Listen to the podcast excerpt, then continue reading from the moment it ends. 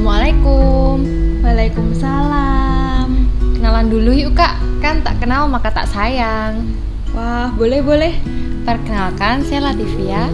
Dan saya Syahrin. Kami berdua mahasiswa psikologi Undip yang sedang magang di PT Daiwabu Garmen Indonesia ini. Nah, di sini kita mau ngapain nih kak? Iya, jadi PT Daiwabu sendiri udah sering melakukan sosialisasi rutin kan ya? Nah, sosialisasi kali ini bakal diisi sama kita nih. Wah, bener banget kak. Kita kali ini akan bahas apa sih kak? Uh, itu enggak sih kak berkaitan sama lingkungan gitu? Oh iya bener kak, kita kali ini akan bahas tentang menjaga lingkungan di tempat kerja. Nah bener banget, sebagai individu yang baik, kita tetap harus menjaga lingkungan di mana pun kita berada. Betul tuh kak, yaudah yuk kita mulai aja kak.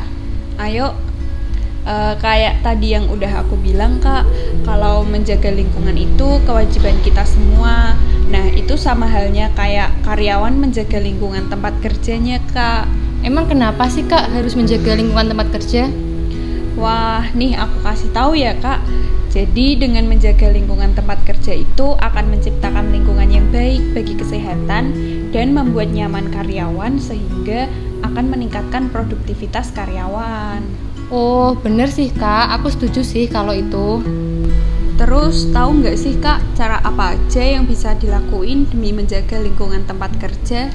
Tahu dong kak, contohnya nih kayak misain sampah organik, non organik, sama limbah B3 Terus menghancurkan sampah sebelum dibuang biar mengurangi volume sampah Terus nih ya kak, menghemat energi dengan menggunakan lampu LED, menggunakan air dan listrik seperlunya, dan menggunakan mesin yang ramah lingkungan Apalagi sih kak?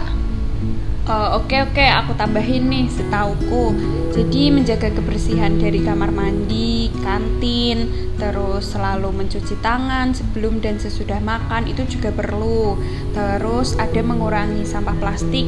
Contohnya nih menggunakan tempat minum, memakai tas ramah lingkungan, kemudian mengganti sedotan plastik dengan sedotan aluminium. Hmm, ada lagi nggak sih kak? ada yang ketinggalan kak. Menjaga fasilitas tempat kerja itu juga perlu loh. Seperti nggak mencoret-coret tembok nggak merusak peralatan kerja serta menjaga dan tidak merusak pohon kak. Uh, tahu nggak sih kak akibatnya kalau nggak menjaga lingkungan tempat kerja itu apa? Um, meningkatkan risiko terkena penyakit iya nggak sih kak Iya sih bener Selain meningkatkan resiko penyakit Ada lagi nih Bisa memunculkan polusi udara bahan kimia dari plastik-plastik itu juga bakal bahaya buat lingkungan sama kenyamanan karyawan akan menurun sehingga nantinya bisa menyebabkan produktivitas karyawan juga menurun. Oh bener juga kak, kan kalau kita nggak nyaman sama tempat kerjanya pasti nggak enjoy ya kak waktu ngejalaninnya. Iya bener banget tuh. Tapi kak, tadi kan salah satu cara menjaga lingkungan di tempat kerja itu ada menghemat energi ya. Emangnya kenapa sih kak kita harus menghemat energi? uh, kenapa kita harus menghemat energi? Ya, karena dengan menghemat energi itu sama juga dengan melestarikan bumi, menjaga cadangan energi agar bisa digunakan lebih lama, mm-hmm. kemudian meningkatkan kesehatan dan kualitas hidup masyarakat, uh, terus mengurangi pemanasan global dan juga meningkatkan produktivitas industri. Pemanasan global itu apa ya, Kak? Aku pernah denger deh, tapi agak kurang paham gitu. Jadi pemanasan global itu uh, sebuah proses meningkatnya suhu bumi mm-hmm. karena terkikisnya lapisan luar bumi yang disebabkan ekosistem atau lingkungan yang nggak seimbang. Wah, berarti itu bikin sinar matahari semakin panas dan menyengat ya kak? Iya, bener banget. Makanya kita harus menghemat energi. Untuk menghemat energi itu gimana sih kak caranya? Uh, jadi untuk menghemat energi air itu bisa dengan menggunakan air sesuai kebutuhan. Kemudian memastikan keran air tertutup dengan rapat setelah digunakan.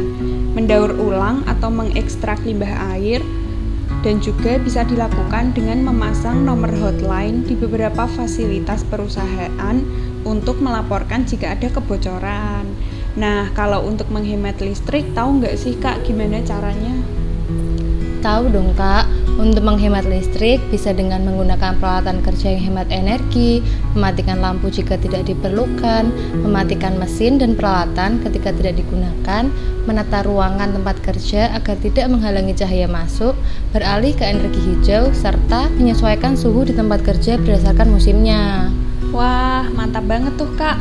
Oh iya dong, tapi kak, selain pemanasan global, ada akibat apa lagi ya dari tidak menghemat energi ini? Yang pasti nih kak, tagihan pembayaran akan meningkat.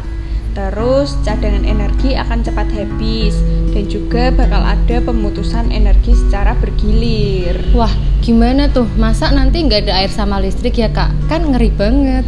Iya makanya itu. Jadi mulai sekarang kita harus menghemat energi.